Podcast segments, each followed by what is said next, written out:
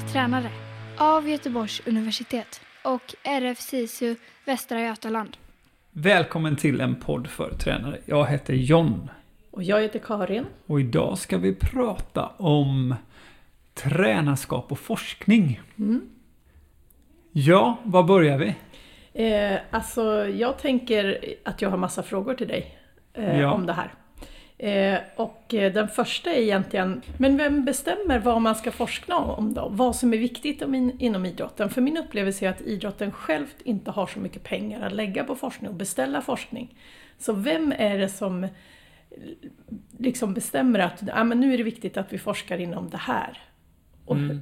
hur är det viktigt för idrotten så att säga? Det finns egentligen två, eller det finns flera sätt. Men ena är att en forskare kan säga jag tycker det här är väldigt viktigt och då söker man anslag. Det vill säga man söker pengar eh, som man får från olika antingen statliga medel eller andra medel, fonder, stipendier.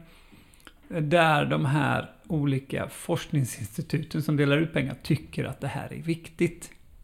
Det är ett sätt. Och då behöver någon annan tycka att det som man själv som forskare tycker är viktigt också är viktigt. Det kan också vara så att till exempel Riksidrottsförbundet eller andra söker en viss typ av forskning där det kan vara anslag där de säger vi behöver mer forskning om varför barn och ungdomar slutar inom idrotten. Och då kan man skriva ihop forskningsprojekt som de sen bedömer är det här vi vill ha och då kan man få viss typ av pengar för att göra det. Och då tänker ni, men om ni är forskare, är det inte bara att forska? Ja, det är så att det funkar att är man anställd som forskare så behöver man externa pengar för att få tid att forska på universitetet. Så att nästan all forskning görs med externa pengar. Man kan också jobba med helt externa frågor, det vill säga det finns en finansiär. Om vi tänker att jag jobbar i en idrottsförening så vill jag ha svar på frågor. Och då kan jag gå till forskare och säga, men jag vill ha svar på detta, jag finansierar er tid för att ni ska forska om detta. Det är väldigt ovanligt inom idrotten. Eh, vissa stora har gjort det. Jag själv gjort tillsammans med Göteborgsvarvet, Göteborgs friidrottsförbund, forskat mycket. Och då är det de som har finansierat mycket. Eh, men annars ser vi det framförallt inom företag till exempel. Eh, vi vet mycket av den här forskningen om mjölk och havreprodukter och så vidare. Det är ju oftast beställd forskning. Men då är frågan, varför skulle idrotten vilja ha forskningen då? Kan vi mäta hur mycket bättre har vi blivit av idrottsforskning? Jag menar idrottsforskning har ju inte funnits i, i det oändliga. Eh, hur mycket bättre har vi blivit av forskning och hur kan vi mäta hur mycket bättre vi blir av forskningen? Annars finns det ju ingen mening för idrotten att lägga pengar på det, tänker jag. Mm. Idrott är en kontinuerlig process så att för att veta om vi har blivit bättre då, då skulle vi behöva ha en startpunkt eller en kontrollgrupp och säga att några får göra någonting och de andra får göra någonting. Eh, och sen så mäter vi, har det blivit bättre? För idrotten är ju kontinuerlig hela tiden, det vill säga resultaten blir, förändras, normer förändras och så vidare. Så det är svårt att säga att vad har forskningen gjort och vad är det faktiskt bara ideellt arbete har gjort. Men jag kan ta ett bra exempel på det här. Som är i barn och ungdomsidrott där man har sagt att de har gjort väldigt mycket saker för att forskningsbaserade tankar om hur man ska organisera idrotten för att stoppa det här dropoutet. Det vill säga vi har massa barn och ungdomar som slutar idrotta. Idag så slutar man idrotta ungefär vid 10 års ålder. Medan för 10-15 år sedan så slutar man idrotta vid ungefär 15 års ålder. Så lika mycket barn kommer in i idrotten men de slutar mycket fortare. Och det handlar om många och framförallt flickor som slutar idrotta tidigt.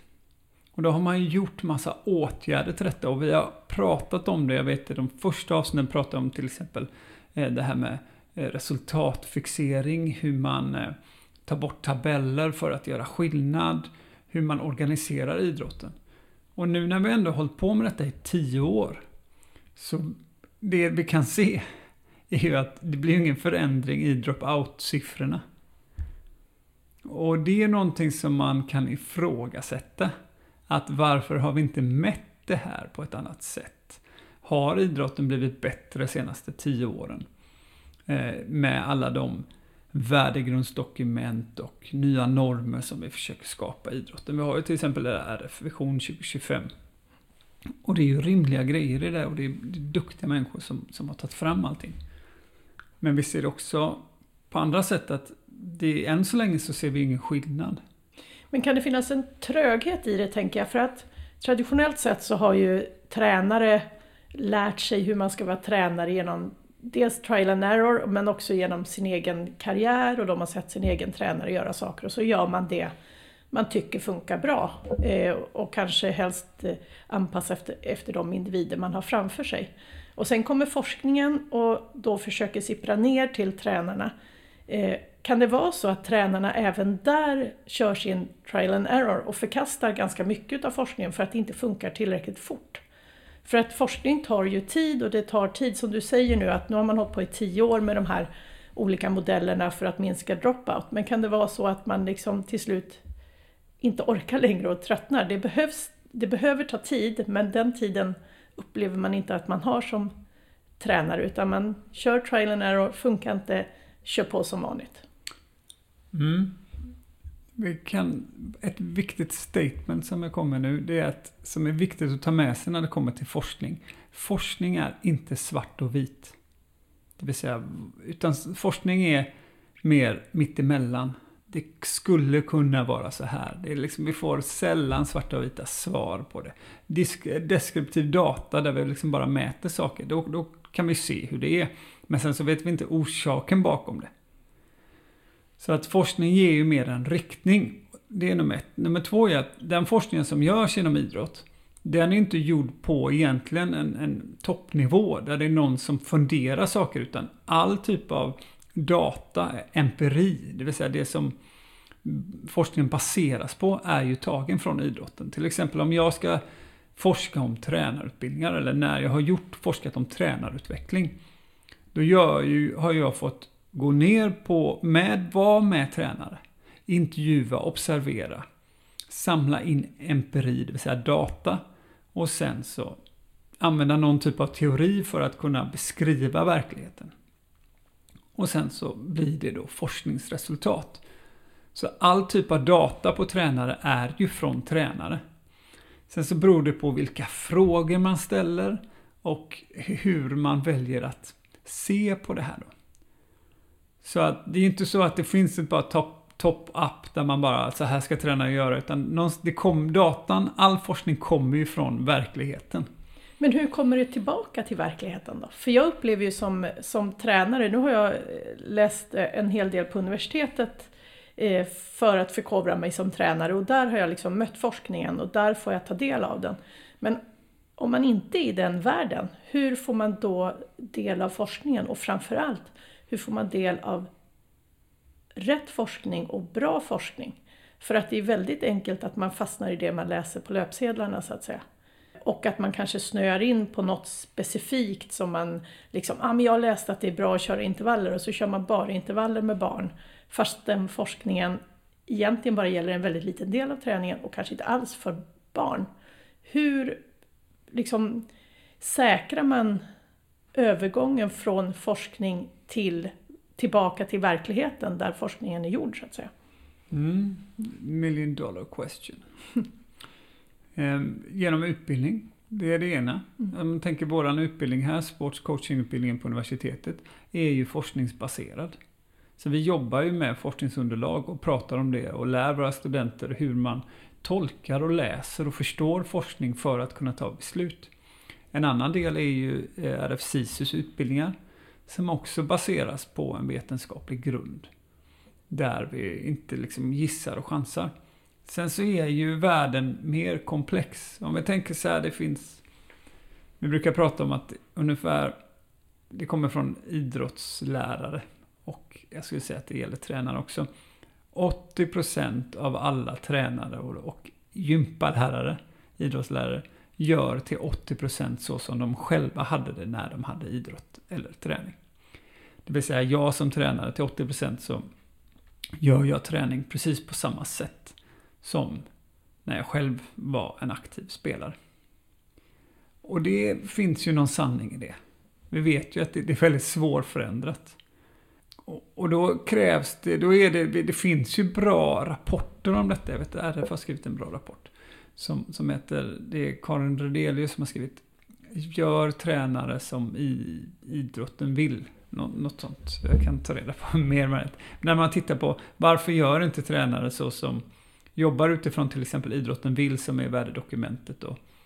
Och då är det ju att många tycker att Vissa tycker att ja, men det är bra, det är rimligt, jag vill det här, jag tror på det. Vissa tycker att nej, men jag tror inte på det.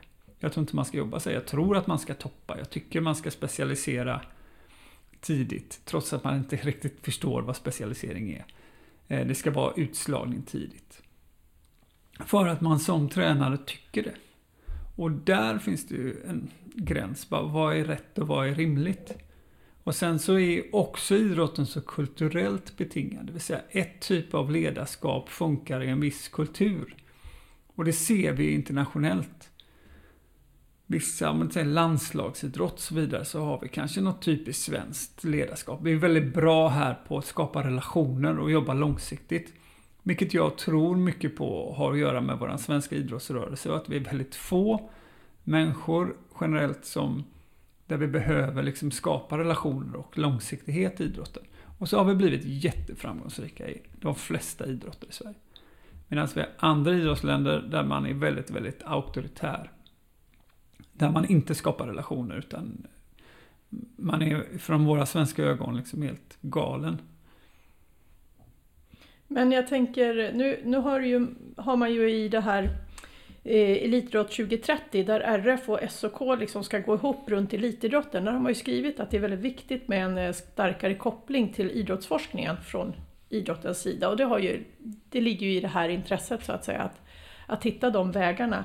Och, eh, jag kan ju sådär från andra tränare ibland få höra att de tycker att det är lite jobbigt att läsa forskningen för dels är den för specifik. Det är för små områden eh, som man går in på. Eh, och sen att det oftast är väldigt krångligt skrivet och väldigt långt skrivet. För den som har skrivit den här rapporten är ju väldigt intresserad av sitt eget ämne och skriver gärna 30 sidor om sitt ämne och sen det orkar man liksom inte ta till sig. Och sen att språket är ganska svårt att förstå många gånger. Eh, och, och, jag kan känna att ibland, nu, nu har ju RF de här rapporterna och de är ganska läsarvänliga. Men frågan är vem de är skrivna för och hur man försäkrar sig om att det som är skrivet där verkligen kommer ner till det som händer ute i grupperna, där det kanske är föräldrar som står som tränare, som vi har pratat om tidigare, med ganska begränsad med tid och ingen ersättning för att sitta och läsa några forskningsrapporter. Den där frågan tycker jag är otroligt intressant och hur man har tänkt att lösa den här kopplingen till idrottsforskningen. För det är ju inte bara att åt ena hållet då att forskning gör forskning på idrotten, men vi måste ju också få tillbaka den som en applicerbar kunskap. Och där tänker jag det du säger att det här med tradition och kultur inom idrotten, jag tror att det som tränare är väldigt enkelt att säga att ja, ja, det där låter jättebra, men de vet inte hur det fungerar. De har inte mina idrottare framför sig. Och, och, och där tror jag man måste försöka hitta ett sätt hur man ska jobba. Och då tänker jag, ett sätt kan ju vara utbildning av tränarna, så de kommer närmre forskningen. Men vi kanske också måste hitta ett sätt att få forskningen att komma ner på golvet. Ja, jag håller med. Och dessutom så finns det ännu... Eh, jag kan gå tillbaka lite. Om man tänker sig att inom akademin, och då pratar jag inte idrottsakademier, utan jag pratar om akademin, eh, det vill säga universitetsvärlden, forskarvärlden. Det kallar vi också akademin. Eller det är det som är akademin. Snarare än de här elitidrottsföreningarna. När vi skriver, när jag skriver forskning, de gångerna jag har skrivit äh, forskningsartiklar som publiceras internationellt. Så är ju de skrivna inte för idrotten utan för andra forskare. Mm. Så processen av att skriva en peer-reviewed forskningsartikel är ju att först ska jag hitta en tidskrift. Och en tidskrift är alltså en, på engelska journal, som publicerar scope, det vill säga ämnen inom olika delar. Och inom min värld då, tränarskap, då kanske det är någon typ av tidskrift som handlar om sportscoaching, coaching journal, reflect, reflecting coaching. Det finns några stora. Och då ser man vad är de intresserade av för forskning. Och då får jag först skriva en artikel då som matchar deras krav. Sen får jag skicka in den till dem och då är det en form av editor, det vill säga en chef som läser och säger jo men det här kan du göra någonting av. Det här är intressant för oss. Och då skickas det vidare till andra forskare som har åsikter om detta. Så får man tillbaka där de har åsikter, ja, men det här är inte bra eller det här, du har inte förklarat detta tillräckligt bra, du svarar inte på de här frågorna. Massa åsikter. Och så får man skriva om och skriva om och skriva om och sen så till slut så tycker de, ja men nu är det godkänt. Och då publiceras det i den här eh, tidskriften. Som andra forskare läser. Eller möjligtvis lärare här på universitetet som använder det i sin utbildning. För de här tidskrifterna, de publiceras ju online och så vidare, men de är väldigt, väldigt dyra att ha prenumeration på. Så de som har det är till exempel universitetsbiblioteket. Så de måste ha ett universitetsbibliotekskort för att få access till de här databaserna där den här forskningen finns. Så att alltså all typ av internationell publicerad forskning är ju till för andra forskare. Som inte behöver alls vara intresserade av idrotten. Och många kanske inte heller är intresserade av idrotten trots att de är idrottsforskare, för att de är intresserade av forskningen. Då görs det kanske jättebra forskning ur vissa synpunkter. Det är kanske bra metodiska rapporter, bra hur man använder teorier, hur man skriver och så vidare. Men ämnena är kanske inte alls relevanta för en tränare. Och tvärtom, kanske görs dålig forskning rent akademiskt, men som är jätteintressant. Men för att den ska bli peer-reviewad, publicerad i välkända tidskrifter, så, så är det anpassat för den akademiska världen, det vill säga forskningsvärlden. Och det kan man tänka är ett problem i den här eh, frågan om hur ska man närma sig. Då har vi till exempel RF som, där vi skriver rapporter på ett sätt som ska vara mer tilltaligt för tränare. Där vi inte skriver för andra forskare. Och där finns det ju massa på, på RFs hemsida. Och de är ju såklart lättare, men där är också svårt med ämnena och ibland måste det vara jättestort och då blir det inte tillräckligt specifikt. Ibland är det för specifikt och då går det inte att använda av den anledningen. Och nästa steg är då RF Sisus böcker, gissar jag. Där man då försöker göra det mer tillgängligt för, direkt för publiken, så att säga. Mm. Ja, precis. Och det, det, finns ju... Om man är bra på att navigera i det här så finns det ju jättemycket information att hämta från forskning, från RF-rapporter, från peer-reviewed eh, artiklar eller från böcker. Och det som vi jobbar mycket med i utbildningen det är ju att man lär sig navigera i detta. Det vill säga, hur hittar jag det jag behöver? Hur tolkar jag det? Hur använder jag det? För du kan aldrig använda allt, utan det gäller att du tolkar på ett visst sätt för att veta hur du ska med det. Och det är det som är det svåra. Ja, för jag tänker där är ju lite samma som det vi pratade om med, eh, när det gäller tester. Att i oändlighet testa mm. sina atleter och få en massa data som man ju också måste göra någonting bra av. Och det är ju risken med forskningen också, att det kommer ut en massa data men det är ingen som har tid att göra någonting bra utav det. Eh, utan man plockar liksom godbitarna och då blir det ju lätt det som får mest uppmärksamhet. Mm. Ja, jag håller med. Och det är också ett, en annan, om det är en nackdel eller fördel, det är ju att när vi släpper till exempel RF-rapporter så ska ju de vara till den breda massan, till idrottsledaren. Och då kanske det är för det är för ospecifikt vad man egentligen ska göra. Vi kan ta det här begreppet att i eh, barn som stannar kvar i idrotten, eller barn som slutar idrotten gör det för att det inte längre är kul. Det är, ganska, det är visat i forskning. Men ingen vet vad det här kul riktigt innebär. Mm. Det, det, är ju en typisk sån forskningssak. Vi måste ha det roligt, de, de måste ha kul. Men vad innebär det? Mm. Och så när vi går i, ner i grupper, liksom, mindre och mindre, så märker vi att det är så olika vad det här kul är. Och det ställer ju till det då. Och jag tänker också att det finns en problematik till. Jag tycker det är väldigt svårt att veta när man läser eh, forskning på vem det är gjort och om det är aktuellt för den gruppen eh, jag har framför mig. Eh, och jag upplever, nu har jag jobbat med elitidrott och, och med ganska högpresterande elitidrottare och mycket av den forskning som finns på den träning vi gör är gjord på aktiva på en mycket lägre eh, nivå. De är mer ah, motionärer. Och då är frågan, går det att generalisera det man får fram där till mina aktiva? Och även tvärtom, om vi skulle göra forskning på de absoluta eliten i idrotter i världen, skulle vi då kunna generalisera det till några andra individer eller är de här elitaktiva så en sån liten specifik population som det verkligen varken går att generalisera från andra grupper till och det går inte att generalisera från den gruppen till andra grupper. Mm. Det är ju rimligt att eh, duktiga forskare klarar av det här. Att hitta de här generaliserbara, generaliserbara punkterna. Eh, men som sagt, det är svårt. Och det som, när, det, det finns andra, nu pratar du om metod, liksom, vem är det gjort på? Hur ska man överföra det? Och det jobbar vi med här i utbildningen mycket till exempel. Och då kanske det handlar om att, ja men vänta, det här är gjort på barn och ungdomar i USA, i Amerika. Hur ser deras idrottssystem ut? Eh, det finns inte ideella ledare på samma sätt. Så är det verkligen överförbart? Alltså man kan titta på sådana saker. Det finns också någonting som är viktigt i forskning, det är ju teori. Och teori är ju ett valt sätt att beskriva verkligheten. Det vill säga, hur tror jag att verkligheten ser ut? Eller hur ska jag fånga detta? För att om man tänker att jag gör en intervju med dig, så ska jag eh, beskriva den på något sätt. Jag ska se, vad är det jag ska, jag ska titta på judo. Så hur jobbar tränare, judo eller sportchefer? Så gör jag en intervju med dig. Och då behöver jag ju på något sätt, när jag analyserar den här intervjun, så behöver jag ha en teoretisk ram som guidar mig i analysen så att den blir vetenskapligt säkerställd. Och den teorin, det kan ju skilja sig beroende på hur vi ser på verkligheten. Ser vi på verkligheten som en praktik? Ser vi på individen på ett visst sätt? Och så vidare.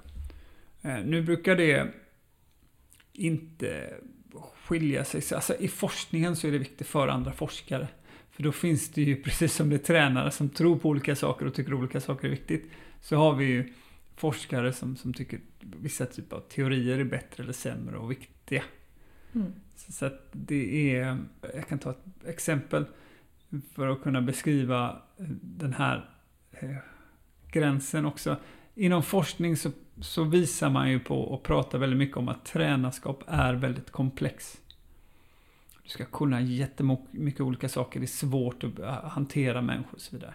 Pratar vi med tränare, om jag frågar dig eh, när du är tränare för elitidrottare, är det svårt att vara tränare? Då säger du kanske, nej, du bara gör. Du vet vad du ska göra, gå in och träna, de presterar, så antingen blir det bra eller dåligt och så gör du en förändring.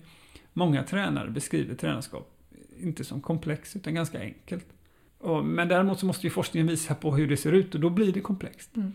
För där kan jag känna att när man läser forskning om tränarskapet så är den mesta forskningen om vad en tränare ska vara och vad man ska göra.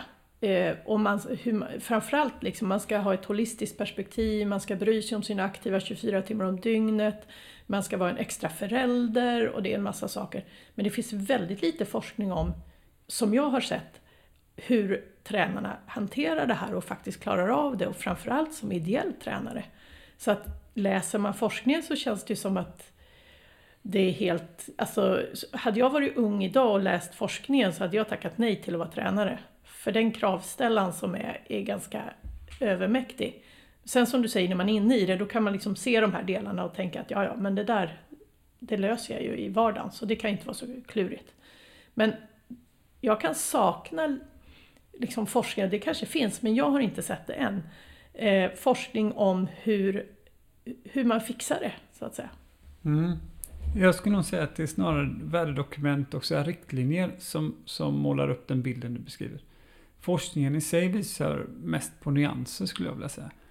Där man tittar på tränare och hur jobbar de och så gör de så här och så visar man när det går bra eller möjligheter och begränsningar till exempel eller hur det kan se ut. Men sen forskningen visar inte det är mer så här värdegrundsdokument där man, och sådana här riktlinjer där man ska få fram hur ska en tränare göra. För om man bara tar det, resultaten från det.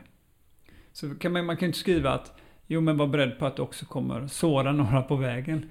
Det kan man inte skriva i riktlinjer. Utan då måste man liksom bara ta den här komplexa bilden och så måla upp det här som du pratar om, det holistiska och så vidare. Men verkligheten ser inte ut så. Utan i verkligheten så är det människor vi jobbar med och de kommer ogilla dig och så vidare. Och det är väl det som är viktigt att fånga upp, men samtidigt en statlig, med statliga medel som RFR och så vidare, så är det svårt att presentera det. Hur, hur ska vi hantera det? Sen tycker jag också att forskningen är flera år före än vad idrotten är. Det vill säga, vi vet mer inom akademin än vad idrotten vet. Eller i alla fall hur man jobbar inom idrotten. Och det finns ett försprång där som behöver hanteras. Det vill säga, hur jobbar vi med att nå ut med forskning? Mm.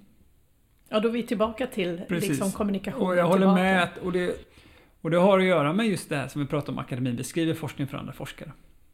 Sen handlar det om intresse. Jag är intresserad av vad tränare gör. Det som jag kallar för görandet. Och då anpassar jag ju teorier och metoder för det, för att kunna beskriva det. Andra är inte intresserade av det. Mm.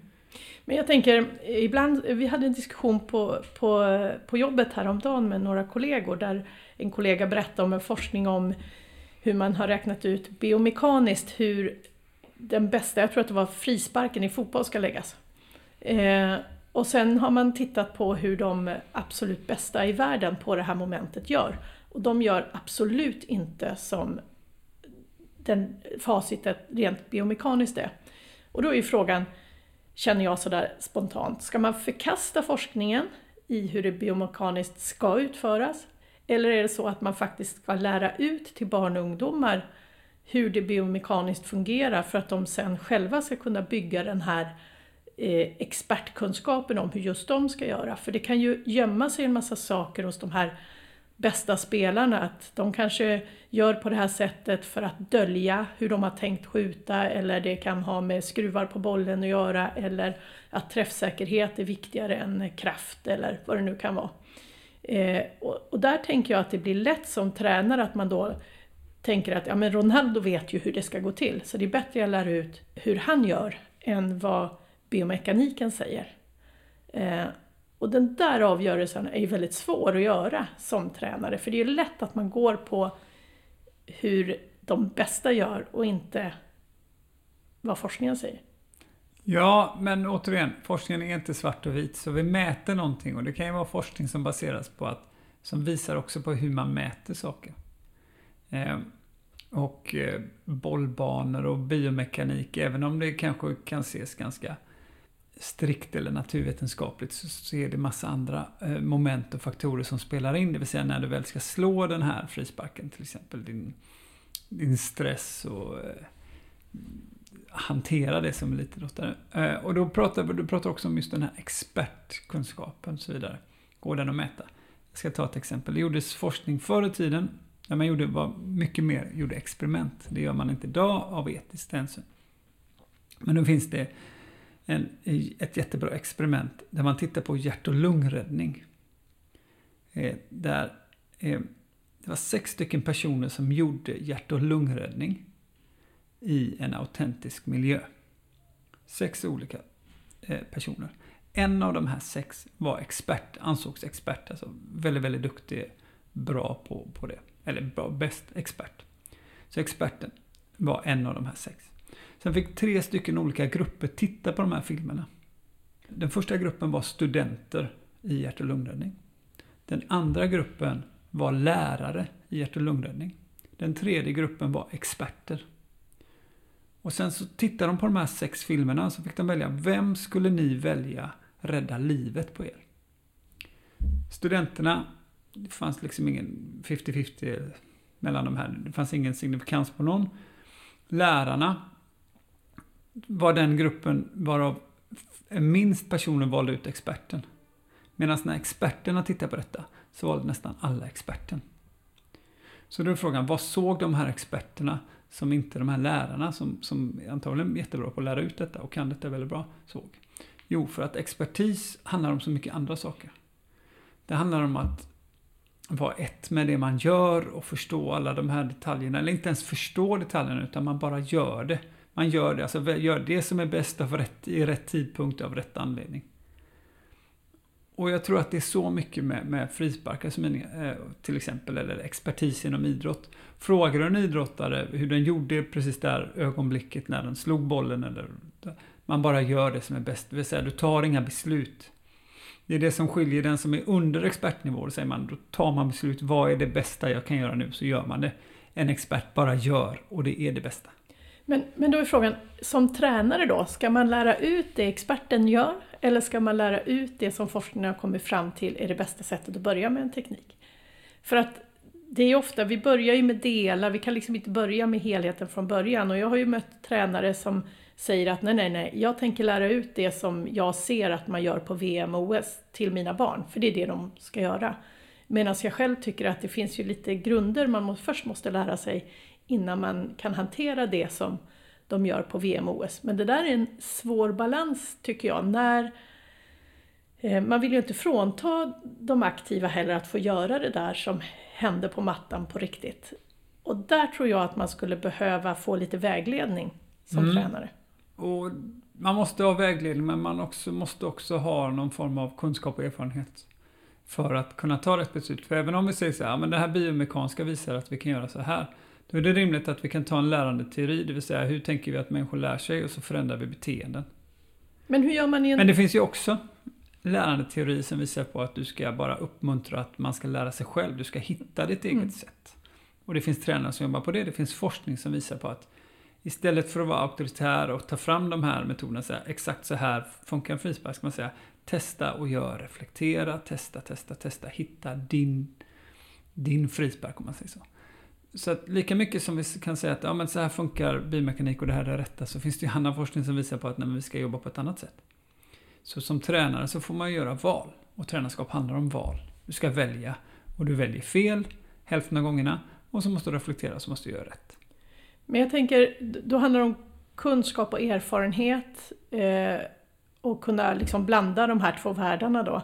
Men hur gör man i en, i en förening där man har föräldrar som kommer in och är tränare och de anmäler sig när barnen börjar på hösten som tränare? Då finns ju inte erfarenheten och kanske inte kunskapen heller utan det de har lärt sig är det de gjorde själva för 15 år sedan och det de ser på TV.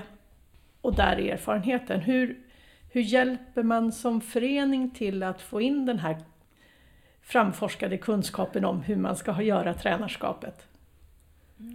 Utbildning. Mm. Ehm, då kan man antingen använda RFCs ut, utbildningar. Man kan också lyssna på den här podden till exempel. Det, det är ett sånt sätt. Mm. Jag brukar säga att en duktig tränare, det finns tre nycklar. Tre nycklar för tränarskap. Och nu ska ni lyssna noga. De tre nycklarna för att bli duktig är bred erfarenhet, kontinuerlig eh, information och strukturerad reflektion. Så bred erfarenhet, kontinuerlig information, strukturerad reflektion. Och det är det vi ska jobba med. Det vill säga, är du tränare så ska du göra tränarskap. Det spelar ingen roll hur, vilka utbildningar du går, om du går hos oss på Sportcoaching till exempel. Du måste parallellt jobba som tränare och vara tränare. Det andra är att du måste ha kontinuerlig information, till exempel om den här biomekaniken, frisparken. Det är klart att det finns bra saker i det som man kan ta med sig och tänka, hur ska man göra och så vidare belastning på höger och vänsterben. Sådana saker. Om du nu skjuter med högerfoten så har du mycket större belastning på ditt vänsterben. Det kommer kanske skapa skador om du bara jobbar ensidigt. Bara sådana saker som du får fram genom den här forskningen. Inte nödvändigtvis hur man skjuter en bra frispark. Finns det massa information du kan samla. Och sen den här strukturerade reflektionen. Vi pratar om att som tränare så gör man, man tar beslut och många beslut är fel. Men då måste du reflektera, okej okay, men varför blev det fel? Hur ska jag rätta till det? Det har vi pratat mycket om i framförallt avsnitt 4, 5, 6. Där vi pratar om den här reflektionen, okej okay, att vi gör saker och behöver reflektera. Så de tre delarna. Information, reflektion och erfarenhet. Och då handlar det bara om att göra. Men den här informationen handlar ju mycket om, ja men där hamnar ju forskningen så att säga. Eh, hur avgör man vad som är bra, vad, vad jag kan ha nytta av? Var, var ska jag hitta den informationen och hur kan jag kritiskt granska den information jag får? Nu låter du precis som en tränare. Eh, av den anledningen att om du går till läkaren, då tänker du inte så här, okej okay, men vad ska jag läsa om vilken medicin jag ska välja för att ta, eller vilken operation jag vill att läkaren ska utföra och så vidare. Men det är ett vanligt tränarsätt att vi tänker att vi kan allting och jag kan ta alla beslut och avgöra allting själv. Men går du till en läkare så tänker du att läkaren har mer kunskap om detta än den gör. Och så är det av forskning också. Vi sa forskningen är akademin är en egen institution, liksom. det är någonting som gör. Så vad man kan göra är att läsa böcker av andra forskare, använda RFCC till exempel, som vi vet är vetenskapligt, eller information från universitetet. Det är ju det mest rimliga och det säger kan jag, ja, det är klart det är lätt för mig att säga som sitter på två stolar. Dels jobbar jag på universitetet, dels är jag i idrottsrörelsen. Men jag tror att vi ska nog backa lite som tränare och tänka, okej okay, men jag kan inte allt. Och jag kan heller inte lära mig allting. Eh, och jag behöver guidning, jag behöver kanske någon som hjälper mig i detta. Eh, och visst, en allsvensk tränare eller en elittränare i, i de högsta divisionerna eller de, de bästa tävlingarna kan ju ge mig förståelse för erfarenhet. Men vill jag ha förståelse för forskning så behöver jag nog gå på en, till en akademisk utbildning. Och där behöver vi särskilja detta.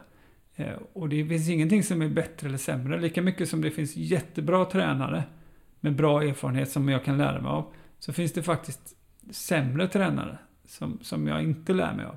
Precis som med akademin. Det finns jättebra forskning, bra forskare som kan lära och det finns det som är mindre bra. Alltså det gäller att försöka hitta en, lita på de källor som, som har gjort det här tidigare och som, ja, men som RF SISU till exempel. Som, de ger inte ut vad som helst utan det är riktat till dig som tränare för att du ska kunna använda det direkt i din praktik och så behöver man egentligen inte gå längre bak. Ja, nu låter det som om vi är väldigt eh, köpta här. Ja. men ja, ja. Men sen behöver man ju tänka själv och man behöver göra, man behöver hitta det som passar mm.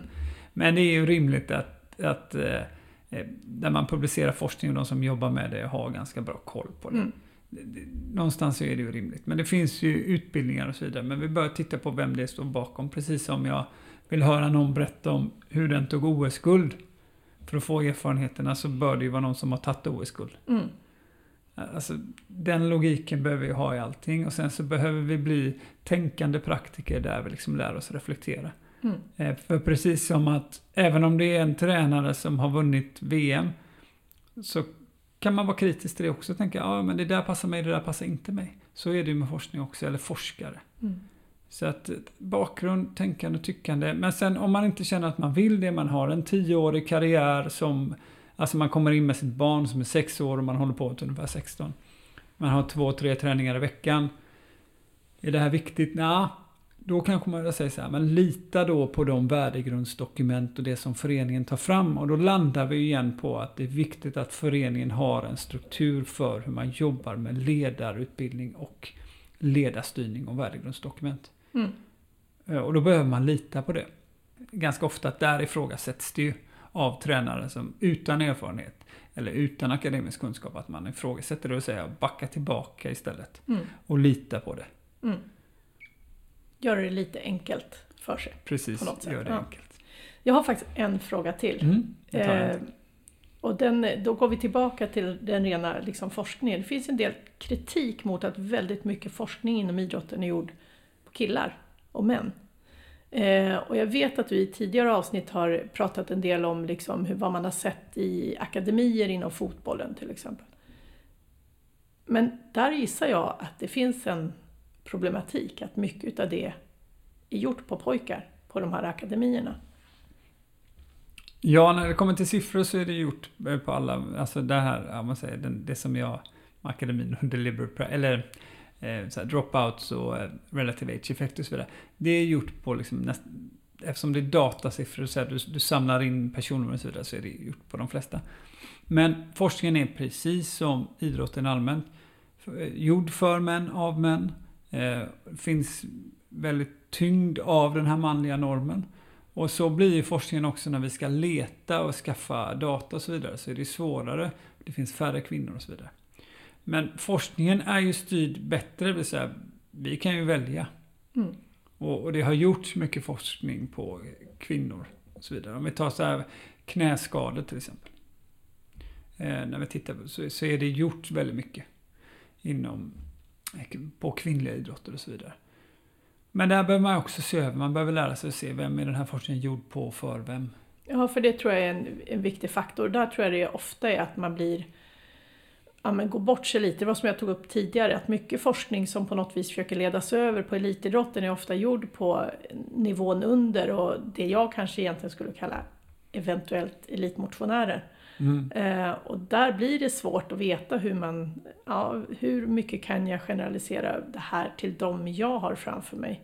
Mm. Eh, men det är som du säger, där kanske man får lyssna lite på forskarna. Står det att, för vem skriver han det så att säga? Mm. Eller hon. Eller hon. Bra, och vi ska prata mer i kommande avsnitt om vad som är bra forskning. Och där vi kan se mer eh, nyanser i detta, där vi ska ta fram ett förslag på det. Men vi tar med oss bred erfarenhet, kontinuerlig information och strukturerad reflektion för er som vill utveckla era tränarskap. Tack för att ni har lyssnat. Tack!